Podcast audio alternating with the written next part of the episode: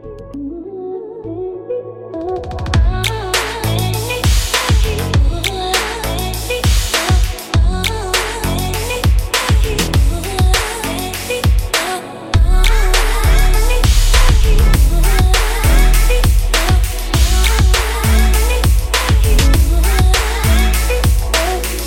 er rart å treffe en person for eh, første gang, og så hilse på hverandre, for å så sette seg ned og så åpne hjertene sine.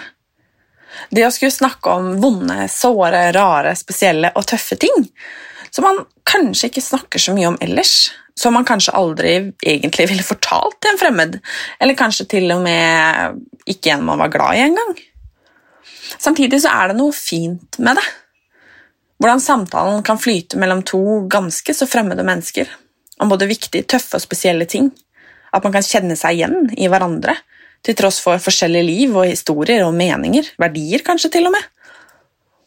I dag skal jeg snakke med Per Heimli. Og Per han har både hatt det tøft og vært tøff.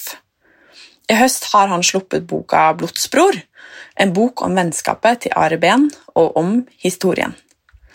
Per han lovte Ari det, at han skulle fortelle hvordan det egentlig var, både på godt og på vondt.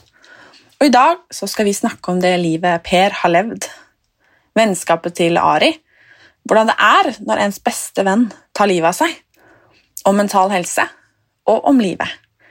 For livet, det har Per levd, og det har han virkelig kjent på kroppen.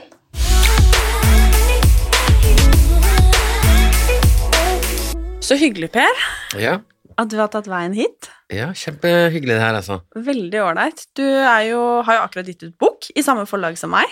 Ja, det er jo utrolig. Vi eh, sitter to uh, nyfødte forfattere her. Oh, yes. Og det er veldig bok. stas. Ja, så det er jo, det er jo skikkelig kult det, ved at vi er med i eh, Papermoon forlag.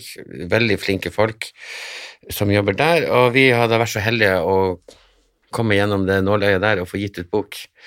Og du kommer med boka di ut på Ja, det er en nå ukes tid siden torsdag. Jeg tror jeg kom med min på et par dager etter meg, tror jeg. Ja, Ja. du slo meg der. Ja. Ja, altså. Det var rett før. Men eh, hva, hva handler boka di om?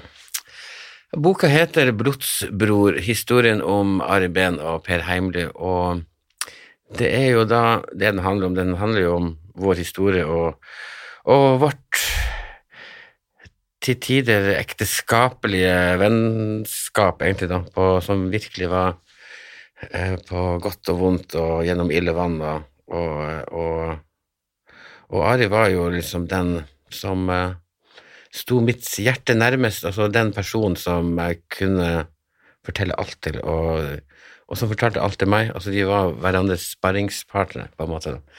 Var på mange måter Ari liksom altså Hva skal man kalle det? Din livs kjærlighet? Ja, man ville kanskje Ja, jeg, jeg faktisk uh, uh, Vi gjorde alt sammen unntatt eh, det seksuelle, da. Der var vi ikke helt på nett. Neida.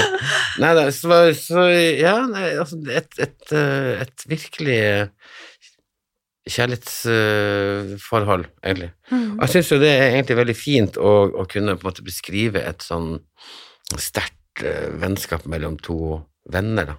Eh, og, og jeg tenker jo det her er jo en historie som jeg også uh, håper kan kanskje være til nytte og litt hjelp for andre som uh, sliter litt, og, og, og, det å på en måte um, være i en sånn situasjon sånn som jeg var litt i de siste åra, hvor jeg ikke ante hva jeg skulle gjøre for å hjelpe han, egentlig, da. At du blir rett og slett litt sånn rådvill.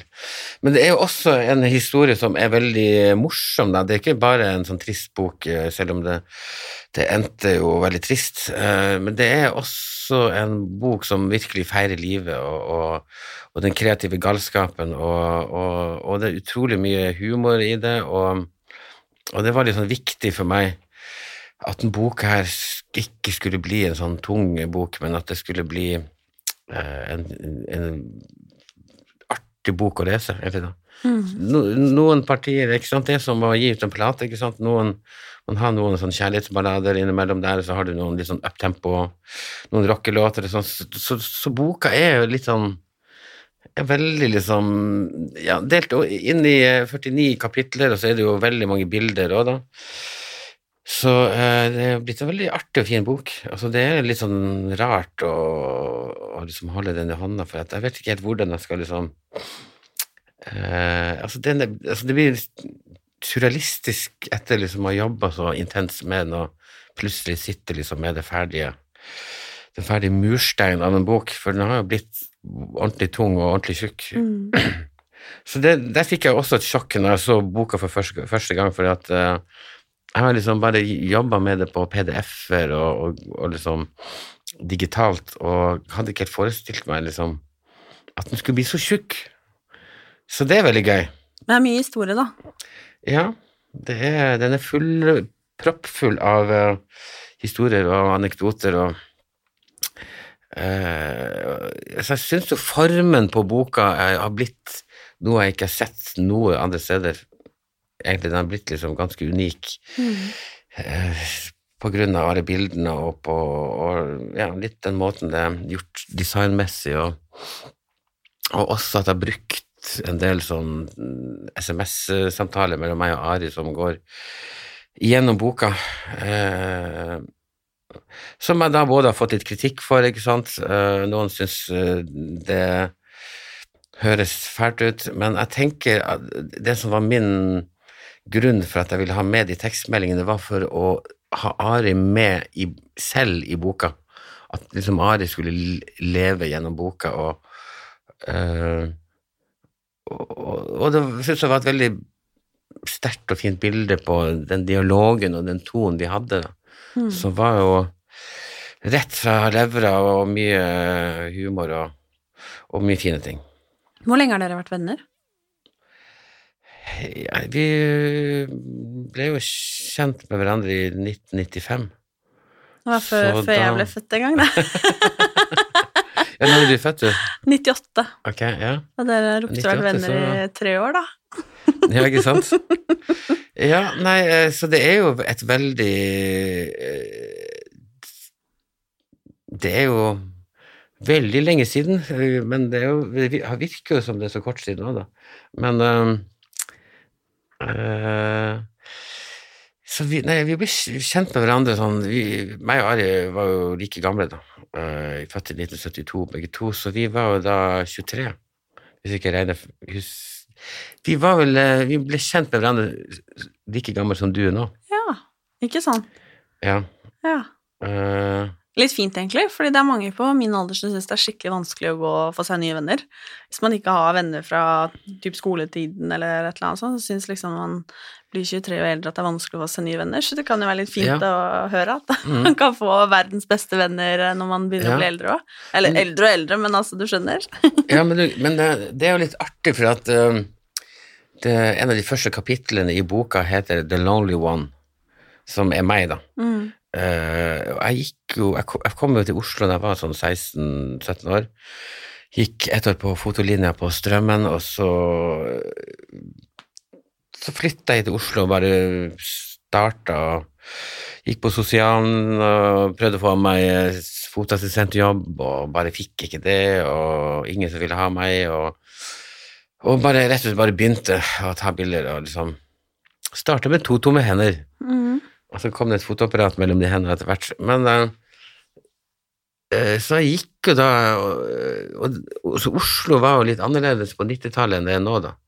Uh, og ja, det var skikkelig hardt for meg eh, som kom fra Nord-Norge og, og dumpende her, og jeg ble ikke kjent med noen jevnaldrende, for de hadde jo liksom sine venner allerede, ikke sant. Mm. Så det var egentlig tre veldig ensomme år. Um, helt til jeg liksom For jeg fant liksom ikke my kind of people, ikke sant. Det er jo ikke sant, Når du møter noen som har en sånn viss gjenklang, ikke sant, eller sånn Mm. umiddelbart et eller annet at ja, det, det skjer liksom eh, litt sånn magi. Det, det er på en måte På en måte eh, Altså, sånne ting merker man liksom med en gang, altså. Men det klikker, pleier vi å Det klikker, ja. Og, og, og det var jo veldig eh, sånn spesielt med meg og Ari, egentlig, når vi møttes, så bare sånn klikka vi med en gang.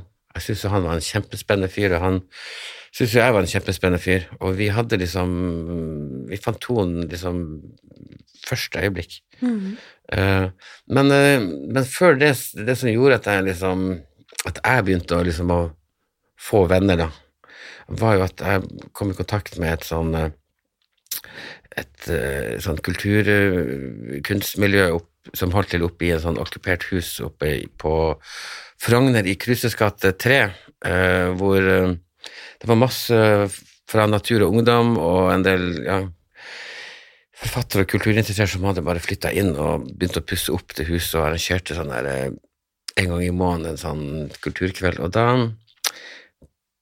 da ble jeg, var jeg der og begynte å møte veldig mye spennende folk, men de var jo kjempegamle.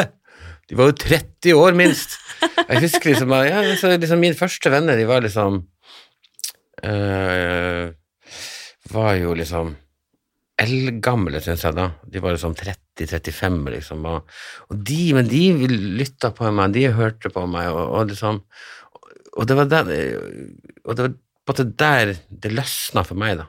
Eh, og etter det så har jo jeg Jeg tror kanskje jeg er norgesrekorden i å møte flest folk, liksom, og, og få på en måte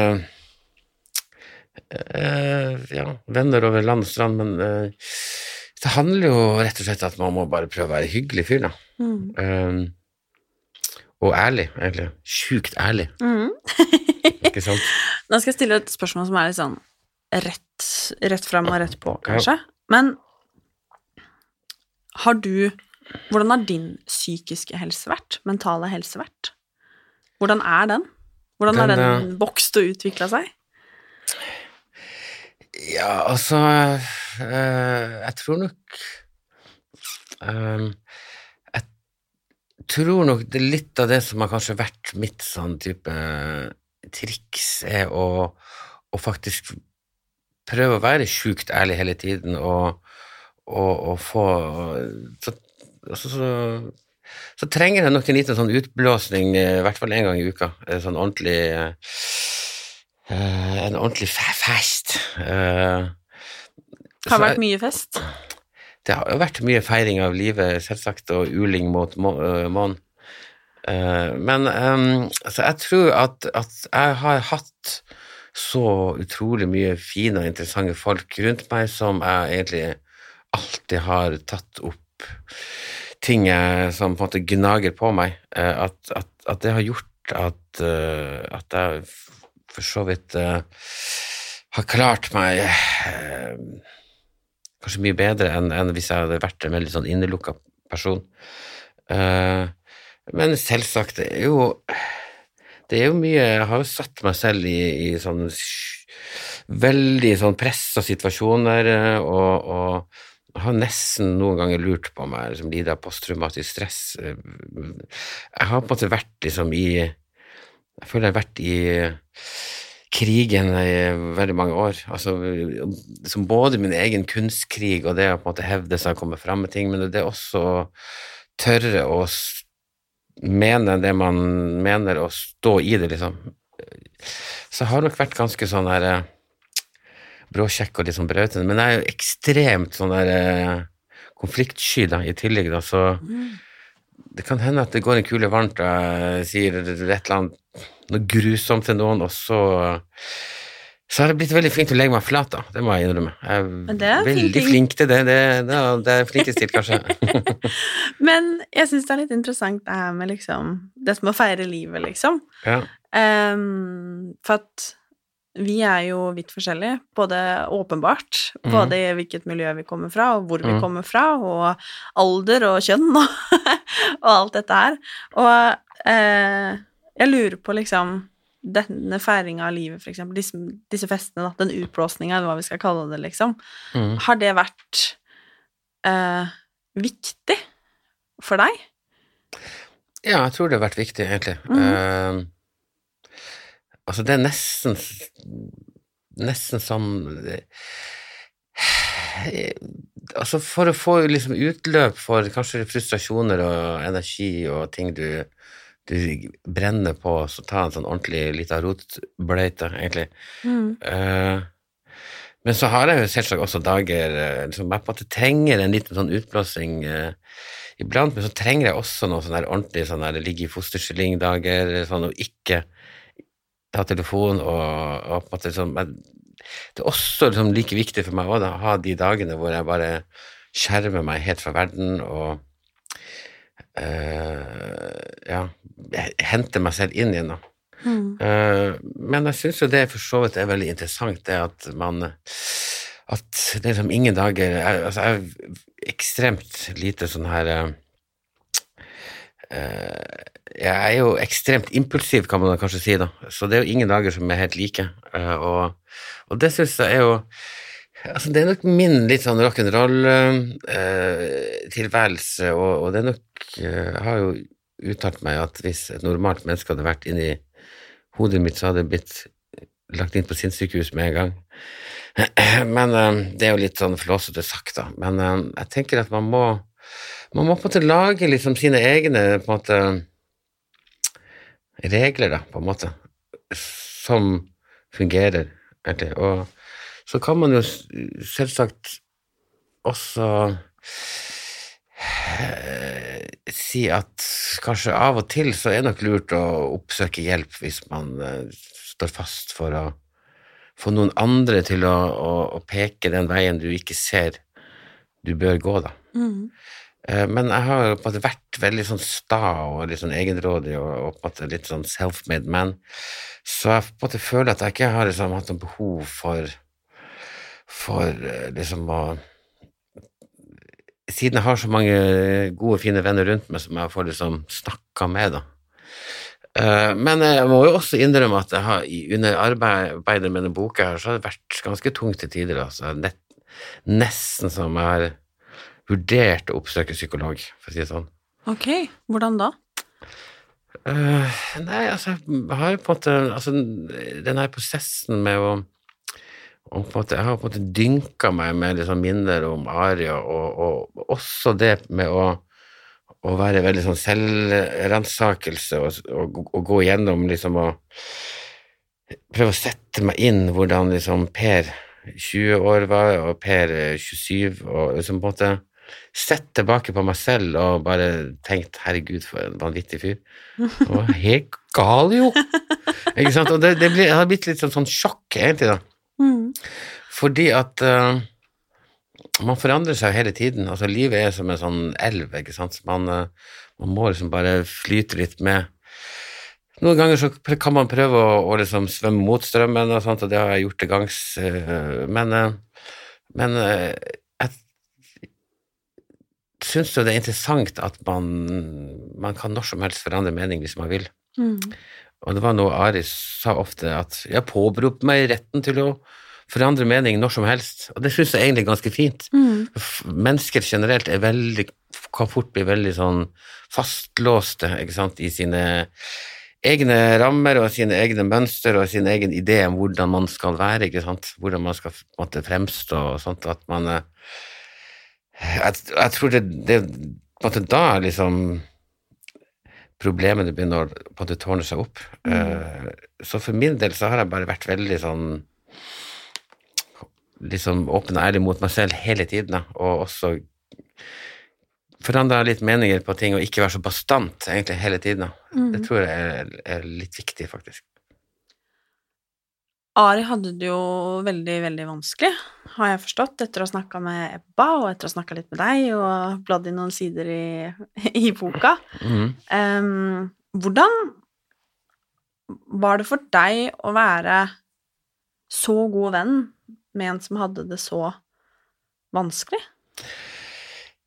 Ja, nei, det var ikke lett, det, altså. Det var, det var jo ekstremt tungt og utmattende til tider.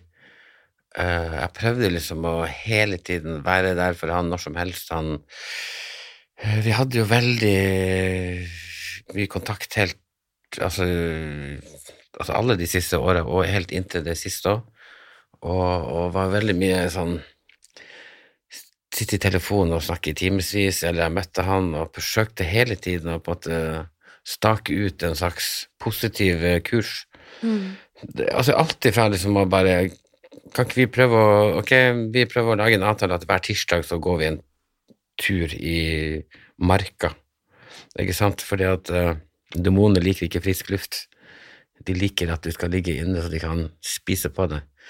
Sa jeg liksom til han da, og, og forsøkte å få ham med litt sånn på litt sånn trening og, og, og, og på utstillinger og, og, være med på ting, liksom. Men, men man merker jo at han lukka seg mer og mer hjemme, liksom. Kanskje utvikla en til dels litt sånn sosial angst. Og, og, det kommer jo av at når, når, man er deprimert og du ikke har det bra, så blir du jo helt kraftløs òg. Altså, det er liksom bare det å gå bort til kjøleskapet kan være liksom en prøvelse. Og det som Det som var jo veldig måte sånn vanskelig for meg, var jo at jeg prøvde å gi han gode råd hele tiden, men jeg klarte liksom ikke helt å nå fram. Han forsto jo, han visste jo hva som var på en måte bra for han, men, men liksom man, Jeg kunne liksom ikke fysisk tvinge han ned på tur heller, egentlig. Så, så, så det er jo det som er litt sånn eh, vanskelig i den situasjonen jeg var i, at etter hvert så ble jeg veldig sånn rådvill. at jeg følte jeg gjentok meg selv, liksom. Du må gjøre det, du må det, sånn, sånn, sånn. Og så, det, så nådde jeg ikke helt fram. Eh, så det var veldig vanskelig å på en måte ikke føle liksom at man helt klarte å hjelpe selv om man forsøkte hele tiden. Mm. Var du noen gang redd for at han skulle ta livet av seg? Uh, Altså, meg og Ari hadde jo eh, selvsagt eh, det, de siste åra så var det et evig tema. Ari sa at eh, for det burde jeg bare altså Jeg vet ikke om jeg klarer meg, liksom. Da burde jeg bare altså, men, men, det var alltid sånn, altså altså, en, altså på en måte alle mennesker har liksom tenkt at fy faen, jeg ville bare dø, altså. Jeg orker ikke mer. Og som jeg tror er litt sånn sunt å ha de her sånn eksistensielle problemene av og til. Hvem er jeg, og hva, hva er livet mitt, og uh, Og på en måte Ari vi snakka jo mye om det ofte, og det var jo liksom litt den her nesten sånn Ernst Hemingway-forfattermyten om at man har jo på en måte Kristiania-bohemene som for 100 år siden lagde sine leveregler, og et av punktene var at du skal ta ditt eget liv. Um, og vi, vet du, vi har jo på en måte vært litt sånn nesten, nesten litt sånn mytomaniske selv, og, og, og nesten levd etter altså Christiane Bohem Bohemenes regler. Eh, men uh, altså, jeg trodde jo ikke at Ari hadde det i seg, på en måte. Altså, jeg trodde ikke at Uh, han var såpass glad i livet òg, liksom, at jeg trodde liksom ikke at det her var noe som kom til å skje, selv om han Vi hadde snakka om det veldig mange ganger, så, så, Og det tror jeg var for de fleste, egentlig, da.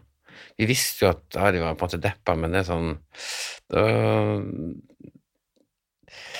uh, men det kommer alltid som en tid hvor du tenker tilbake liksom, at fy faen, der var så deprimert. Der var, var det i kjelleren men liksom ting blir alltid bedre.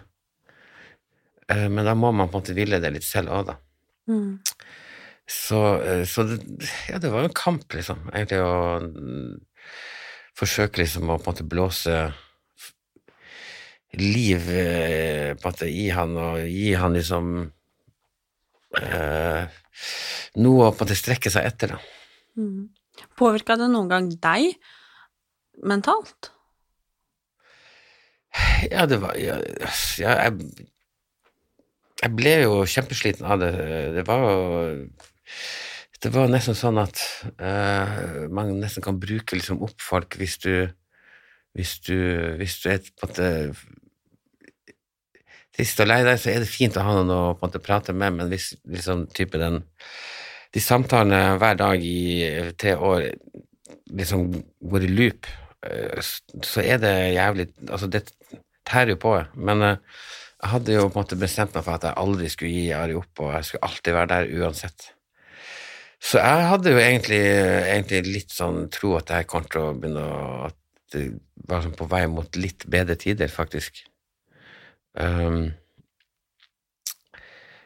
at, at det var liksom når hadde det som kjipest, så må du bare bite tenna sammen, og så blir det bedre. Men uh, jeg tror Ari, han uh, Han, eh, han var jo en lynende smart og intelligent mann, og, og han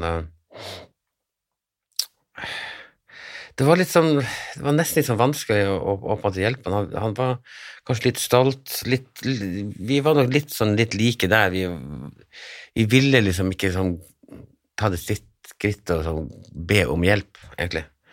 Men det som var med Ari, var at han fikk jo hjelp, liksom. Han hadde jo samtaler med psykologer og, og psykiatere, og, og jeg spurte jo liksom om, om Ja, hva er det de sier til deg, liksom? Og så sier de Det de sa, var at uh, du må slutte å dyrke din egen sorg. Men det, vet- det veit jeg jo, Per, at jeg gjør. Ikke sant? Så det der liksom den umuligheten er, da. At, eh, at uh, Ari var nesten litt for smart for Han var smartere enn psykologene ikke sant, som han hadde, så det ble liksom bare sånn der, eh, nesten som et sånn rollespill, Her, her den der. At det var liksom ikke noe hjelp å få der heller, liksom. Og det er jo det som er litt av den fortvila situasjonen. Hvor går man da? At uh, både jeg ble jo veldig sånn rådvill og tenkte at hvor er det man kan få hjelp da? For det finnes jo ingen quick fix, ikke sant? Uh, har man det jævlig, så må du stå i det, og så må du bare prøve å kravle deg opp av det hølet. Det er som jeg pleier å tulle og si, at når du står i et helvete, så er det lurt å fortsette å gå. Ja, ikke Og sant? det er jo noe Ja. med det. Mm. Men hvordan var det å få beskjed om at han ikke levde lenger? Ja, nei, det var jo også Altså, det var jo et sjokk, selvsagt. Um, uh, men jeg tror nok der og da så ble jeg veldig sånn her um, fatta. Det er nesten sånn du går inn i en sånn krisemodus, at du, at du kan enten liksom bare bryte sammen og bli en sånn våt flekk eh, som må tørkes opp, eller så må det bli hard som granitt. Eh, så jeg tror nok jeg Og jeg vet ikke om det er så Om det er liksom den riktige måten å, å, å takle sånne ting òg, da. Eh, Nei, det jeg tenkte bare sånn, hva i helvete skal jeg gjøre? Hva, altså, hva skjer nå? Hva skal jeg gjøre nå, liksom? Hva kan jeg gjøre nå? Og, og Så jeg tror nok at jeg gikk inn i en sånn her eh, En sånn bli hard-modus, egentlig, da. Og, og egentlig på en måte satt i gang og på en måte eh, prøve å jobbe med det her bokprosjektet med en gang. Fordi jeg hadde jo en eh, Jeg hadde jo blant annet en samtale med Ari på to dager før han tok livet sitt, hvor han eh, sa at Per, det er du, per, det er du som må skrive boka om livet mitt, vet du, for du husker alt.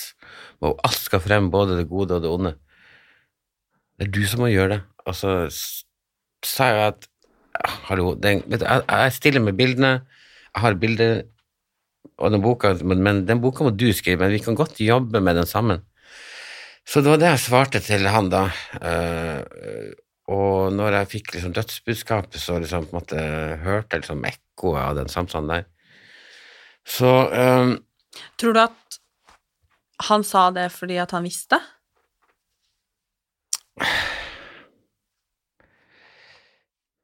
Ja, på et visst vis, egentlig, da. Han hadde jo sagt sånne ting eh, egentlig tidligere til meg òg, da.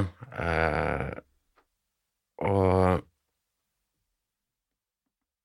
Og eh, Altså, det var en slags sånn mørk på en måte, profeti over det. Eh, men det jeg gjorde da, var jo at jeg først liksom At jeg nesten da starta med ok, jeg har sitter på med så mye bilder og så mye informasjon og så mye historier, og, og liksom Ari var så utrolig viktig del av livet mitt at jeg tenkte at eh, ok, jeg, jeg må på, på, på et eller annet vis på en måte konkretisere der, og at det skal bli en sånn her eh, fysisk form ut av det her prosjektet. Da. Så, øh, og da starta jeg liksom med den ja, tankeprosessen og hvordan jeg skulle gjøre, prøvde å huske ting, ikke sant. Så, så hele den prosessen har jo egentlig vært min måte å nesten utsette det her dødsbudskapet på, da. Eh, jeg har liksom på en måte eh, jeg dynka meg med eh, bilder og, og, og, og, historier og minner, og det er liksom først nå, når den boka er ferdig, liksom, at jeg liksom får et lite sånn derre En liten sånn stein i, i på en måte magen, egentlig, og, og tenker liksom Ok, men hva skal jeg gjøre nå, da? Mm. Føler du at på en måte det prosjektet, da, som du satte i gang med da rett etter at han døde, at det på en måte ble en forlengelse av han, liksom? Ja, kanskje en forlengelse av å holde han i live liksom i mitt og ha, ha hans nærvære, på en måte. Mm. Uh, fordi jeg har gått og, og, vært veldig i tvil om at jeg, om jeg i det hele tatt skulle gi ut den boka. Jeg har på en måte trukket den 30 ganger minst, og jeg syns den har kosta jævla mye å, å, på en måte lage, fordi at jeg har også måttet rett og slett blottlegge meg selv totalt for at det skulle bli riktig, følte jeg da. Mm. Um, at det skulle bli en sjukt ærlig bok, for å si det sånn. Mm. Hvordan er det å miste sin aller beste venn? Ja, nei, det er, eh, det er som å miste liksom egentlig en del av seg selv, faktisk. Det er liksom Jeg har følt liksom at Altså, at jeg på en måte Jeg har jo ikke den sparringspartneren, jeg har ikke han fyren som så meg som den jeg var, lenger. Og, og, så det er jo et kjempetap, egentlig. En, en, et sånt tomrom som, som, er veldig vanskelig å fylle. Uh, så uh, Har du noen gang vært forbanna for at han gjorde det? Ja, jeg har jo selvsagt vært egentlig alt som man kan være av alle på en måte følelser, og, og at jeg tenker at uh, det var så jævla unødvendig, at han hadde så mange fine år og så mye fine opplevelser, og at livet er fantastisk, egentlig. Jeg tenker at man må prøve å henge inne her i så lenge man kan. Klore seg fast uh, på livets skjær eller svaberg og bare holde seg i live, egentlig, fordi at For det er alt det vi har, ikke sant? Mm. Uh, men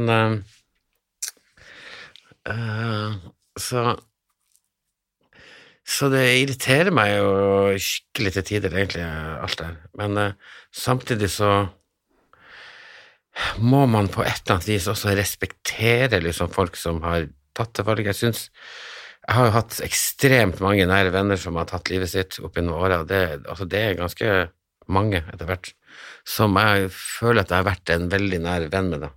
En av de nærmeste. og Altså Gang på gang så går jeg på den smellen at, liksom, at jeg ikke klarer å oppfatte liksom, at det er den veien det går.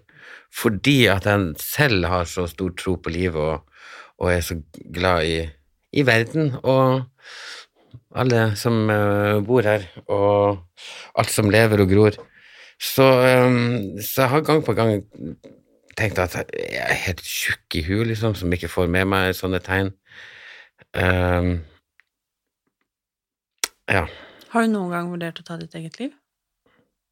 Ja, det har jeg egentlig gjort. Uh, men det er litt sånn som jeg tenker på det, det er litt sånn som jeg sier i stad, at, at, uh, at det tror jeg er liksom elementært, og så tror jeg det er litt sunt òg. Uh, jeg har ikke vært så langt nede liksom at, at jeg liksom på en måte Nå gjør jeg det, men jeg har liksom på en måte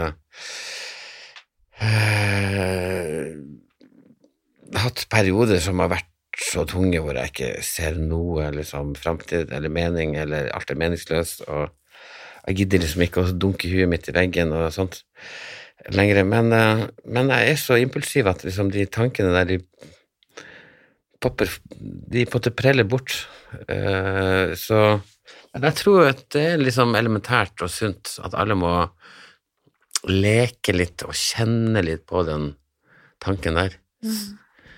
Eh, selv om det er liksom frykt fryktinngytende og veldig skummelt, så er det jo liksom en del av å være menneske, og, og det er jo en slags eksistensialistisk, filosofisk, eh, sånn evig eh, spørsmål som alle liksom må på en måte stille seg noen ganger i livet, tror jeg. Det tror jeg bare er sunt.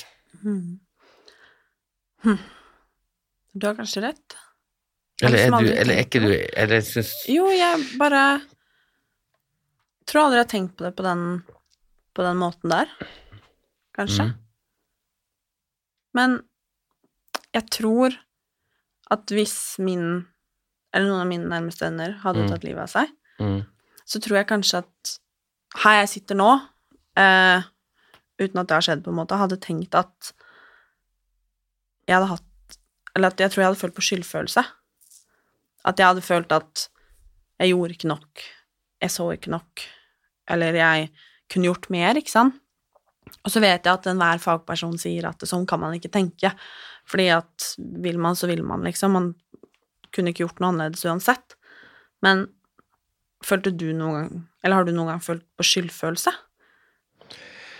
Uh, Når det gjelder Aris bortgang Mm. Uh, nei, faktisk ikke. Ehm,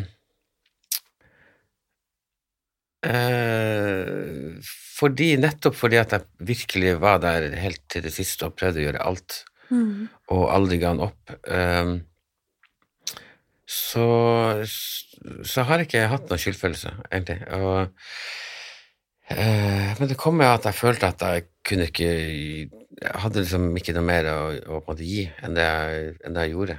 Mm. Um, og at det her var på en måte nesten hans valg. Eh, Hadde jeg selvsagt eh, fysisk vært til stede, så hadde jeg jo og visst at det var den veien det gikk, så hadde jeg jo Men, men jeg, var, jeg var liksom eh, eh, på andre sida av eh, landet i den tida der, og, og hadde liksom den kontakten på telefonen man og prøvde å være sånn evig på en måte sånn positiv vegg av eh, en lys framtid. Så, så jeg har ikke følt noen skyldfølelse i det, i det hele tatt. Det, Så bra. ja, det er jeg veldig glad for at jeg ikke, at jeg ikke har det som gnager på meg. Mm. Uh, men jeg tror nok det er veldig uh, jeg, jeg har nok kjent på mye mer skyldfølelse i en del av de andre eh, selvmordene til en del av de andre vennene mine som jeg kanskje ikke var så til stede for. da. Mm. Hadde du det på følelsen den dagen det skjedde? Kan man merke det?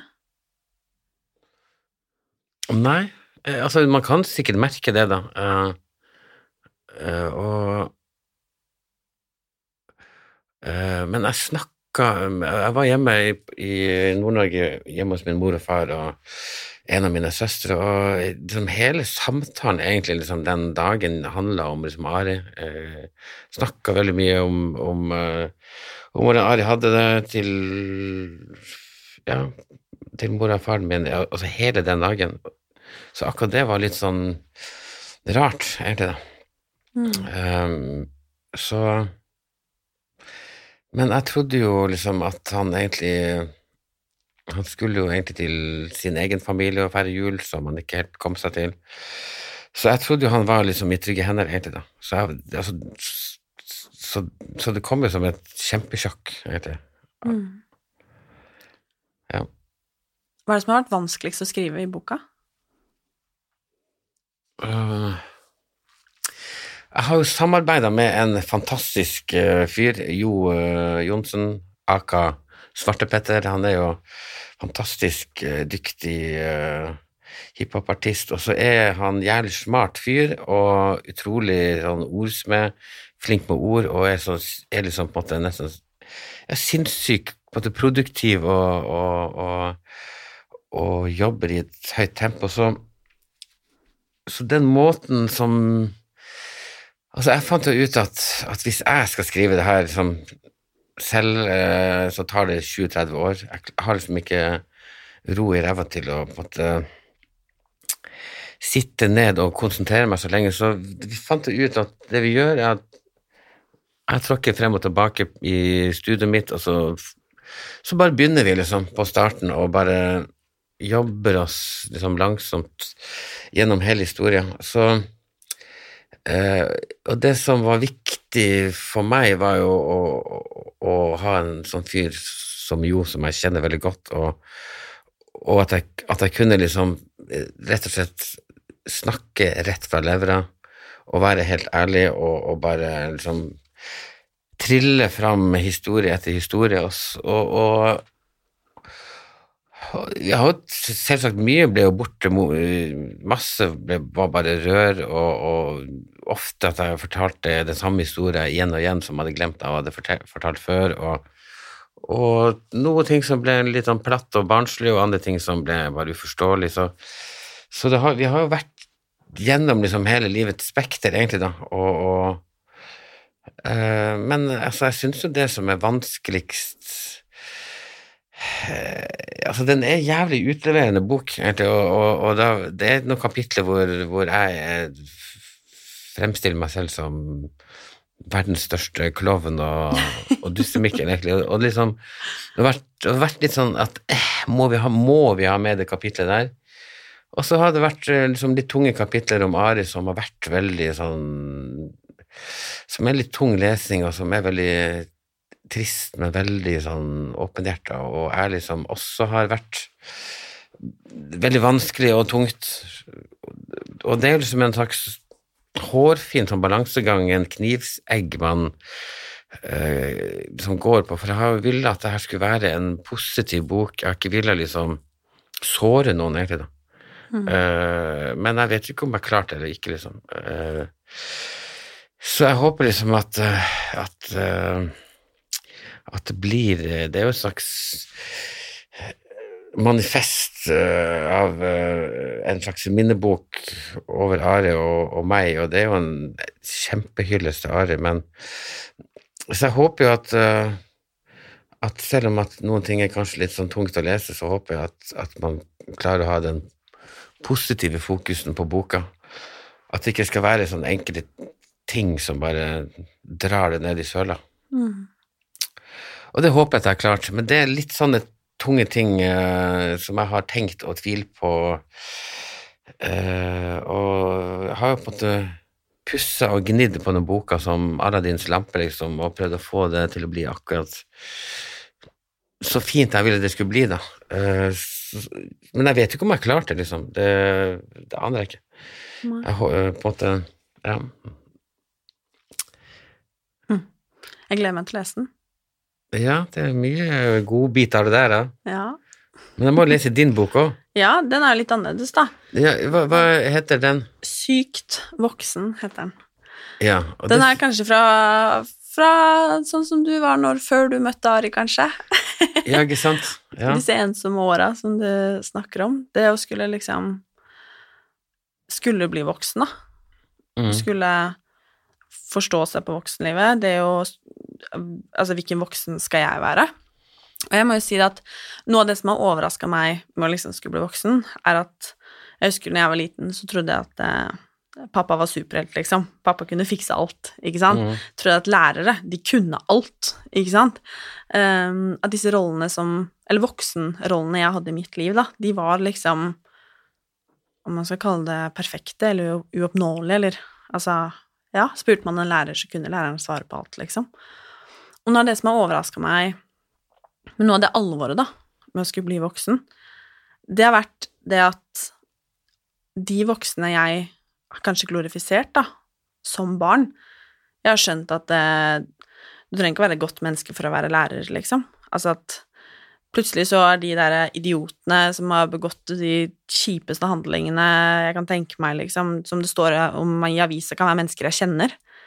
Mm. At folk jeg har vokst opp med, har blitt mennesker jeg syns er noen idioter, liksom, eller de har blitt Altså, noen av dem har til og med blitt voldtektsmenn, liksom, eller drittsekker, eller sånne kjipe folk som skriver stygge ting i kommentarfelt på Facebook, liksom. Ja. Så det overrasker meg veldig, med å skulle bli Med jeg skulle bli voksen. Eh, og når jeg sitter og prater med deg nå, så tenker jeg at man har jo Jeg skjønner at man har enda mye mer mer foran seg, for å si det sånn. Ja, men altså, jeg husker da jeg var liten gutt, uh, husker jeg så at altså, tenkte liksom Jeg så på de voksne, og de var liksom så, på en måte, så kalde og så fjerne, og de var liksom De hørte ikke på meg når jeg spurte om ting, og jeg ble oversett, liksom, og jeg husker at jeg tenkte at fy faen, jeg må aldri bli voksen, jeg må aldri bli sånn som de, jeg må alltid ha barnet i meg, liksom. Den dagen liksom det barnet inni meg forsvinner, liksom Da har jeg tapt, egentlig. Og, eller, eller det vil si, da har jeg blitt voksen. Mm. Um, så jeg på en måte har på en måte alltid prøvd å eh, holde det lille barnet i meg, da. Føler du at du har klart det? Ja, det føler jeg egentlig. Eh, så, så jeg har jo også tenkt når er det jeg skal bli voksen, egentlig, men uh, jeg følte jo at jeg kom til det punktet her i forrige uke, faktisk. Eh, når jeg må, måtte bare krype til korset og kjøpe sånn lesebriller. som var liksom, litt sånn gamle hornbriller-type som min bestefar brukte, og så tok jeg de på, og da leste jeg jo fint på, fra bøker, og, og da tenkte jeg bare oi, nå, der ble jeg voksen. Ja. Ikke sant? Så jeg er ganske ung, eh, en, en ung voksen i en alder av 49. Ja. Men det er egentlig godt å høre. Det er eh, at man, til tross for det alvoret som du har opplevd, og det livet du har levd, liksom, at man kan fortsatt stille seg de spørsmålene og føle seg liksom Ja, man, man må jo ikke bli voksen, liksom. Man kan jo, det er jo et valg som man kan uh, Man kan jo være sånn irriterende barnslig hele livet, egentlig.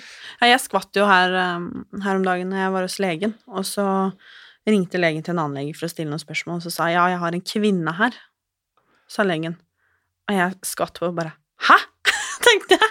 Jente! Det er det jeg liksom. Alltid vært jente. Og spurt på herregud, nå er jeg blitt, er jeg blitt kvinne, liksom. Mm. Nå er jeg blitt dame. Nå er jeg blitt voksen.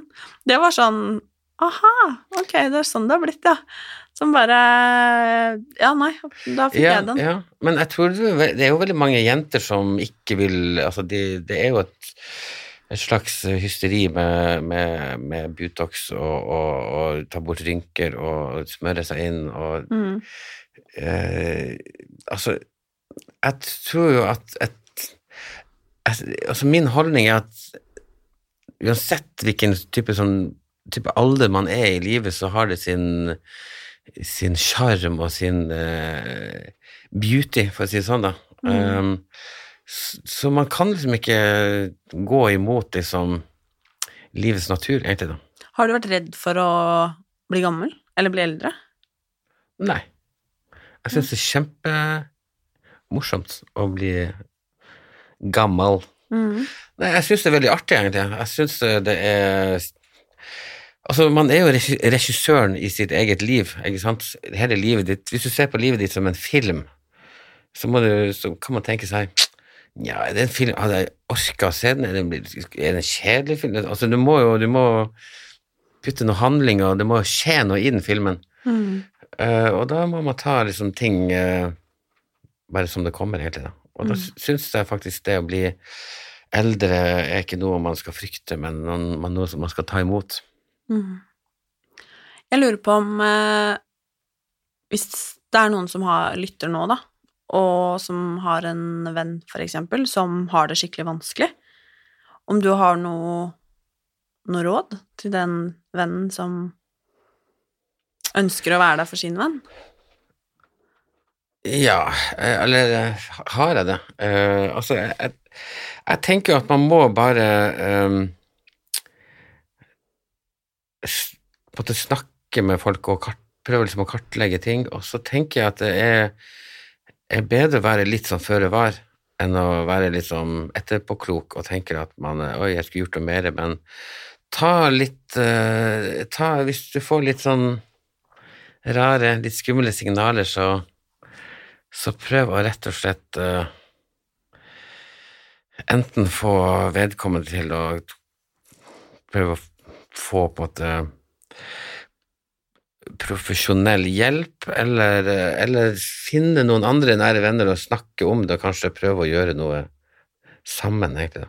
Mm. Fordi det er veldig vanskelig når man egentlig har det kjipt, å egentlig snakke med andre om, om det, egentlig. da. Og jeg føler at uh, det er ofte det som er litt sånn måte problemet, at man får plutselig en kjip beskjed at noen har gått bort, og så har man ikke helt fått det med seg, da. Sånn som jeg har gjort veldig mange ganger før, da. Mm. Så jeg tror at, eh, at man må bare Man må være åpen og ærlig og bare snakke med folk, jeg tror jeg. Og, Mm. Hva hvis man har det skikkelig kjipt selv, da? ja, Ta, da- ta deg en fest? ja, det hjelper, det. Eh, det, altså, det er jo litt sånn brutalt å si, men du er jo din egen lykkesmed, egentlig. Det er kun du som til syvende og sist kan redde deg selv. Mm, og det er ofte sånn når man har det kjipt, så vil man kanskje at andre skal komme ridende inn og, på en de-test og ta deg med på opptur, for å si det sånn. Uh, men man må uh, Man må dessverre ta tak i seg selv. Og hvis man føler at man må ha hjelp, så må man ikke være redd for å kontakte den hjelpen man føler man trenger, egentlig. Mm. Eh, Jeg tror det er veldig mye sånn, det er litt sånn stolthetsgreie, litt, litt som jeg har følt at jeg har gjort selv, at jeg skal, jeg skal klare meg selv, jeg nekter å og det er kanskje mye sånn mannfolk som er sånn at de liksom nekter å For det første så nekter de å gå til legen, og så nekter de å kanskje ta kontakt og ta, ta tak i på en måte problemene, og det må man bare bli mye flinkere til. Mm. Så, men til syvende og sist så er det en selv som må, må liksom ta det første steget ut av hengemyra. Klokt. Jeg er veldig glad for at du hadde lyst til å komme hit og snakke med meg. Ja, det blir jo en dyp samtale, det her. Det Men gjorde var det. fint. Veldig fint, og Mm. fint å kunne, kunne prate med deg og bli bedre kjent med deg. Ja, Så, så da får vi bare gå hjem og lese hverandres bok. Ja. Det er det vi skal gjøre nå. Ikke sant? Ja. Det syns jeg og oppfordrer alle andre til å gjøre det òg, Mhm. for det, der står det mye klokt. Ja, så nå må dere pelle dere ut og lese Blodsbror, historien om Ari Behn og Per Heimly, og din bok som heter da Sykt voksen. Sykt voksen, ja. Oh Yes. yes. Tusen takk, eh, Per. Veldig, veldig hyggelig. Ja, hyggelig å være her.